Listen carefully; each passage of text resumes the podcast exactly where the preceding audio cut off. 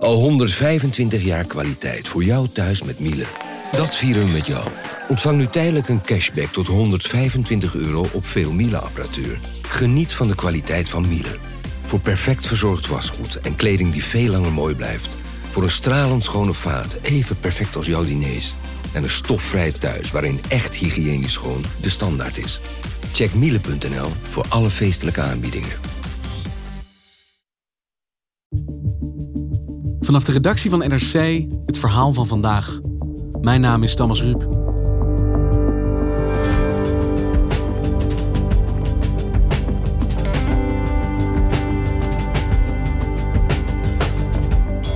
compositie van Bart van der Lek is een van de 20e eeuwse pronkstukken van het Rijksmuseum. Maar afgelopen vrijdag werd er beslag op gelegd. De 88-jarige Oosje Silberman Frenkel, schenker van het schilderij, zegt dat ze in de war was en wil het terug. Het museum weigert. Kunstredacteur Arjen Ribbens dook in deze zaak. Wie staat hier in zijn recht?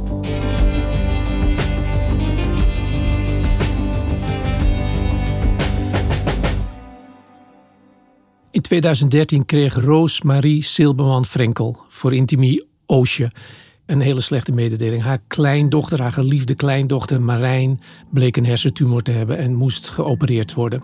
Ik heb voor deze vreemde gang van zaken in wezen maar één verklaring: de ziekte van mijn kleindochter Marijn.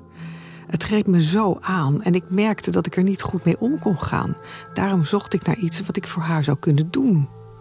Oosje hoorde eh, daarna een stem. Een stem die haar dicteerde: breng een offer voor Marijn. En toen besloot Oosje om uh, het, haar kostbaarste bezit, een uh, schilderij van Bart van der Lek. Dat is een uh, Nederlandse schilder uit het begin van de vorige eeuw. Dat schilderij besloot ze te schenken aan het Rijksmuseum in Amsterdam. Want dat vond ik toen een goed idee. De schenking aan het Rijk zag ik min of meer als een offer voor mijn kleindochter. En je zegt haar kostbaarste bezit. Wat voor schilderij is dit dan?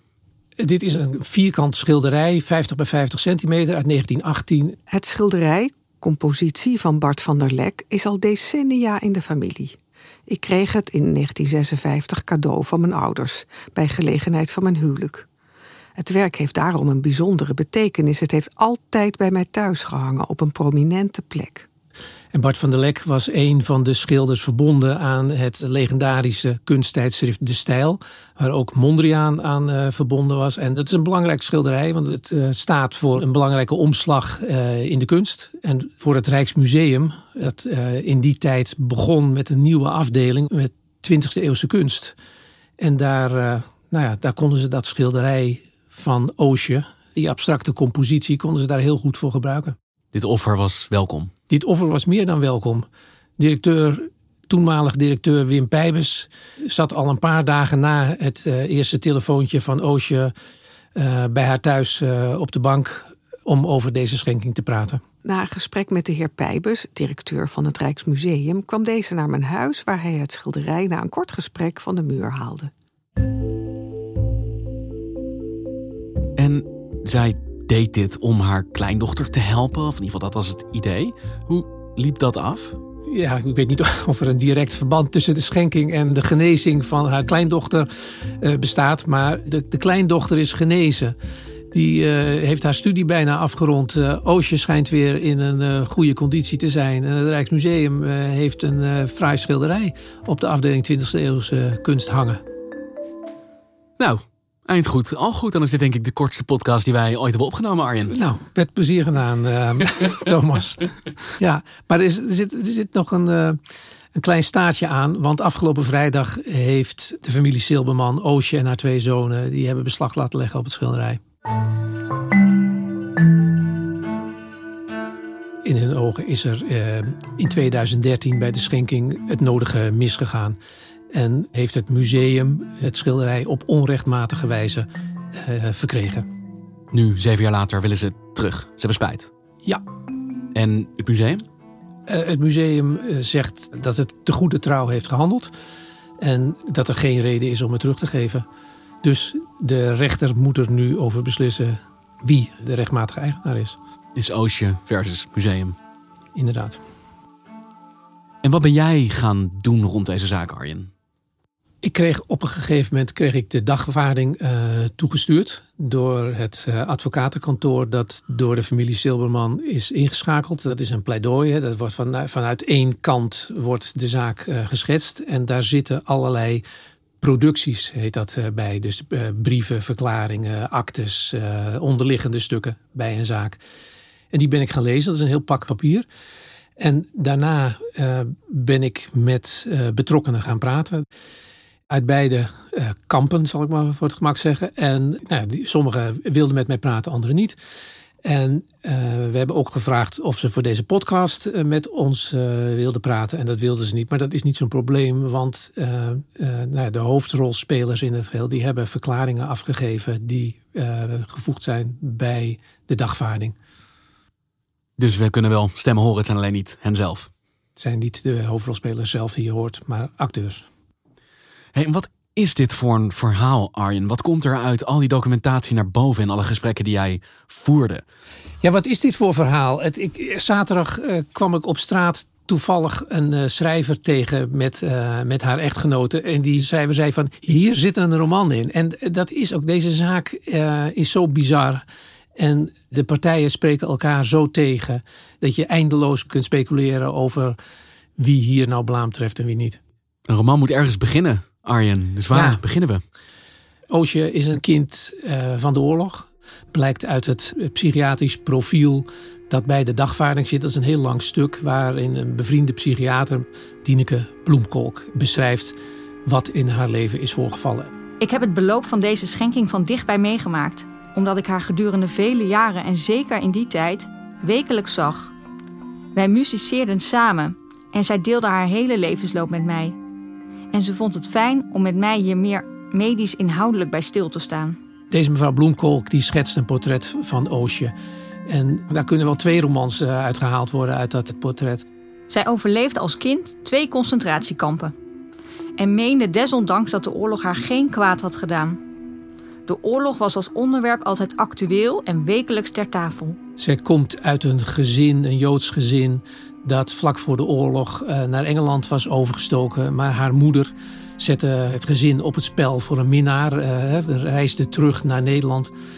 Het gezin is daardoor naar Westerbork afgevoerd. En de grootmoeder die mee was, die is naar Auschwitz afgevoerd en heeft de oorlog niet overleefd. En, uh, maar de, de rest van het gezin op het nippertje wel.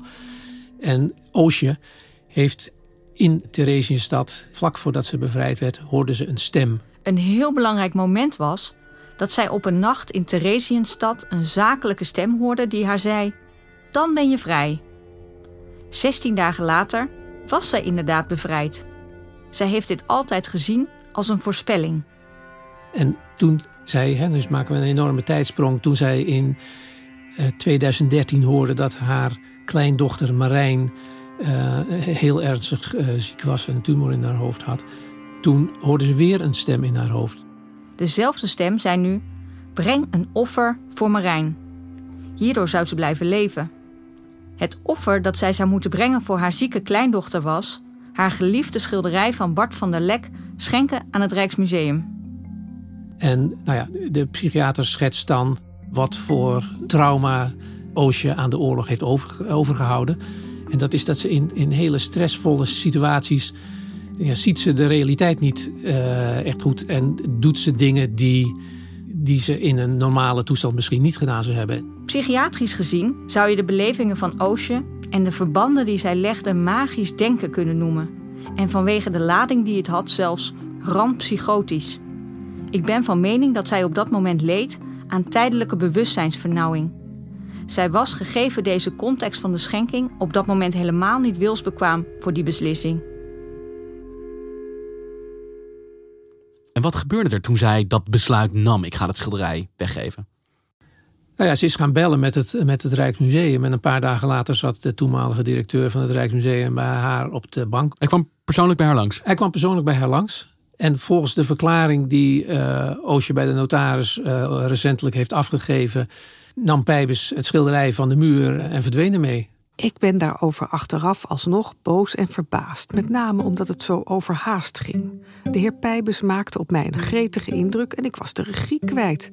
Dat neem ik hem nu zeer kwalijk. En toen was het weg. En toen was het weg.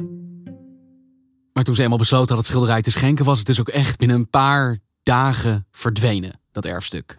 Inderdaad. En toen de zonen van uh, Oosje uh, lucht kregen dat moeder het schilderij had weggeschonken. En dat het niet meer bij haar thuis aan de muur hing. En nou ja, toen is er met moeder overleg geweest. En dat heeft ertoe geleid dat een advocaat is ingeschakeld. En die heeft een week voordat de schenkingsakte zou passeren, een brief opgesteld namens Oosje en namens haar twee zonen. Waarin Oosje de schenking herriep. En uh, wat er toen is gebeurd, is dat de directeur van uh, het museum, Wim Pijbers, gebeld heeft met Oosje. En gezegd heeft: Oosje, de, de, schenking is al in gang, kan niet meer herroepen worden. En daarmee handelde het museum tegen de, het gebruik en ook tegen nou, de fatsoensregels in. Want als er eenmaal een advocaat aan te passen is gekomen, dan is het ook gebruik dat je daarna met de advocaat communiceert als je een mededeling te doen hebt en niet met uh, de direct betrokkenen. En zeker niet een direct betrokkenen die door een advocaat heeft laten weten dat ze in, een, uh, nou ja, in de war was. Mevrouw geeft schilderij weg, mevrouw zegt ik was in de war, advocaat stuurt een brief en dan bel je de mevrouw die in de war was. Ja. Dat is wat de familie zegt. Nou, dat, dat is ook wat ik uit de stukken kan opmaken. Het museum heeft nog één keer contact opgenomen, eh, heeft één keer contact opgenomen met de advocaat. En dat was de dag voordat de akte passeerde. Die was toen al opgesteld. En toen heeft Wim Pijbers een eenregelig briefje naar de advocaat gestuurd. Dat de, dat de schenking conform de wens van mevrouw Silberman uh, uh, was geregeld. En Oosje heeft toen gezegd: Oké, nou ja, dan ga ik wel naar de notaris. En die is uh, opgehaald in een limousine van het museum. Uh, samen met een vriendin uh, naar het notariskantoor gebracht. En heeft daar haar handtekening onder de schenkingsakte geplaatst. Ze heeft zelf alsnog getekend. Ze heeft zelfs alsnog getekend. En inmiddels zijn we zeven jaar verder. Er is best een hoop tijd tussen. Zeker. En ja, nou, nou komen we bij het volgende bizarre feit. De familie is er onlangs achter gekomen dat in 2003 een koopovereenkomst voor het schilderij is afgesloten. In 2003 heeft ze het schilderij verkocht aan haar zonen voor een bedrag van 2,5 ton. En daar hebben zowel Oosje als haar zonen hun handtekening onder gezet. Dat waren zowel Oosje als de zonen waren dat uh, vergeten. Dus niet alleen heeft zij spijt en zegt ze ik was in de war toen ik het weggaf, maar ze zegt nu ook het was nooit mijn schilderij om weg te geven, want dat was eigenlijk al niet meer van mij. Ze was de eigenaar niet meer. Daar is onlangs pas achter gekomen. Ik realiseer me dat ik dit schilderij onmogelijk aan het Rijksmuseum kon weggeven. Het was immers al in eigendom aan mijn kinderen overgedragen. Het schilderij was een erfstuk van de familie en dat moest zo blijven.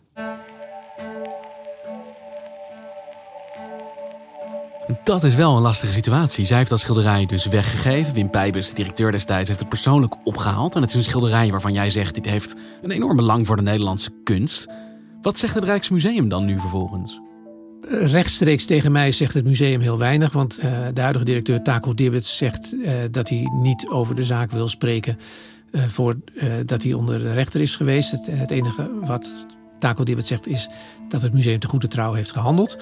Maar we kunnen wel uit de eerste reactie van de advocaat van het museum, Ewald Nette, kunnen we wel zien hoe het museum erin staat. En uh, nou ja, daarin zegt het museum dat, dat uh, ze in de tijd helemaal niks aan Oosje hebben gemerkt. Dat ze wel degelijk uh, bij zinnen was en een hele heldere en consistente indruk maakte. U stelt onder meer dat mevrouw Silberman ten tijde van de schenking niet in staat was om haar wil op adequate wijze te vormen en dat zij de schenking nooit daadwerkelijk heeft beoogd. We hebben dit voorgehouden aan de betrokkenen van destijds, onder wie de voormalige hoofddirecteur van het Rijksmuseum en de notaris die de schenkingsakte heeft verleden. En zij herkennen dit beeld in het geheel niet. Zij bevestigen stuk voor stuk dat mevrouw Silberman zeer helder was en op geen enkele wijze een verwarde indruk maakte. Sterker, zij liet blijken een weloverwogen beslissing te hebben genomen en was daar ook zeer stellig over. En ook dat ze door de familieleden die niet bij naam worden genoemd, was eh, gedreigd eh, met het feit dat ze nooit meer op bezoek zouden komen als ze de schenking zou doorzetten. Ze heeft daarbij overigens op verschillende momenten aangegeven dat haar beslissing binnen de familie niet in goede aarde was gevallen. en dat bepaalde familieleden zouden hebben gedreigd haar nooit meer te komen bezoeken als zij de schenking zou doorzetten. Desalniettemin stond haar beslissing vast. Zij heeft hierover uitgebreid gesproken met medewerkers van het betrokken notariskantoor. Dat er echt iets op het spel staat, kun je ook uit die eerste reactie van eh, de advocaat van het Rijksmuseum opmaken. Daarin wordt namelijk de familie min of meer eh, beschuldigd van het fabriceren van eh, bewijsmateriaal. Cliënten heeft dan ook twijfels bij de authenticiteit van de door u overgelegde koopovereenkomst. Mocht op een later moment blijken dat dit document pas achteraf is opgesteld, dan zou dat uiteraard een zeer kwalijke zaak zijn. Ook dit is een onderwerp dat te zijner tijd uitgebreid aan de orde zal moeten komen in een getuigenverhoor. Er staat echt wat op het spel. Dat merk je eh, aan die eh, eerste reacties. Het museum zegt dus eigenlijk: wij hebben volgens protocol gehandeld. Oosje was in mentaal goede gezondheid. En dat niet alleen, maar de familie zou dus ook de schenking van het schilderij van Oosje aan haar zonen hebben gefabriceerd. Ja, eens gegeven is altijd gegeven. Daar uh, komt het op neer.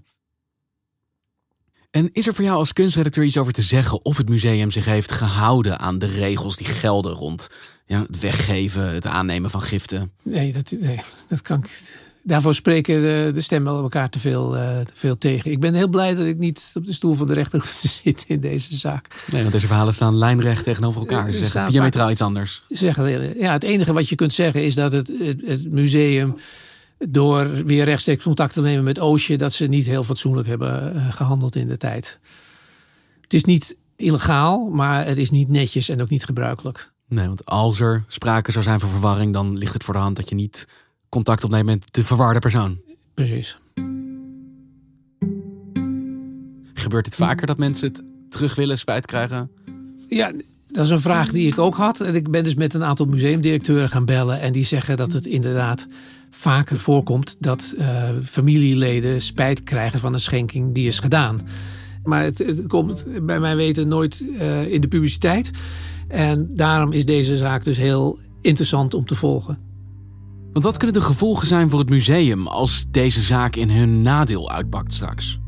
Je moet voorstellen, geen museum in Nederland krijgt zoveel kunst en, en, en donaties als het Rijksmuseum. En als het gaat om procedurele zaken, heeft het museum echt een onkreukbare reputatie. En bij als het bij andere musea misgaat, dan wordt het Rijksmuseum altijd ten voorbeeld uh, gehouden van: kijk, zo ga je met dit soort zaken om. Vorig jaar kregen ze. Ik heb net nog even opgezocht. In de jaarrekening van het Steunfonds uh, Rijksmuseum hebben ze 15 miljoen uh, aan sponsorgelden binnengekregen van particulieren en van bedrijven. En de lijst van uh, geschonken kunstwerken is heel erg lang. Dus als die schenkingen zo belangrijk zijn voor dit museum, hoe belangrijk is de uitkomst van deze zaak dan? Want het kan de reputatie dus wel degelijk beschadigen, mocht hier inderdaad sprake ja, dat zijn is, van... Dit is wat het museum natuurlijk niet graag wil. Een, een kras op de, op de roesvestale reputatie. Dat schrikt namelijk andere donateurs en, en sponsors af. Dus er zal binnen dat museum op dit moment ook wel met enige spanning worden gekeken naar het verloop van deze zaak? Ik vermoed van wel, ja. Wanneer gaat dit allemaal spelen? Wanneer wordt het spannend voor dit schilderij? Nou, het wordt spannend uh, zodra de zitting is. Maar wanneer de zittingsdag is, dat moet de rechtbank nog bepalen. Eerst, eerst heeft het museum nu zes weken de tijd om een antwoord uh, te formuleren. En als dat er is, dan, als het museum zich heeft voorbereid, dan bepaalt de rechtbank een zittingsdag. En ligt in de lijn de verwachting dat het begin volgend jaar zal zijn. Tot die tijd is het op de bovenste etage van het Rijksmuseum op de afdeling 20e eeuwse kunst te zien. Dankjewel, Arjen. Alsjeblieft. Je luisterde naar vandaag, een podcast van NRC. Eén verhaal, elke dag. Dit was vandaag, morgen weer.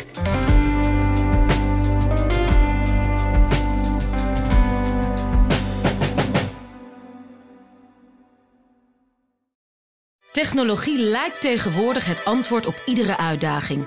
Bij PwC zien we dit anders.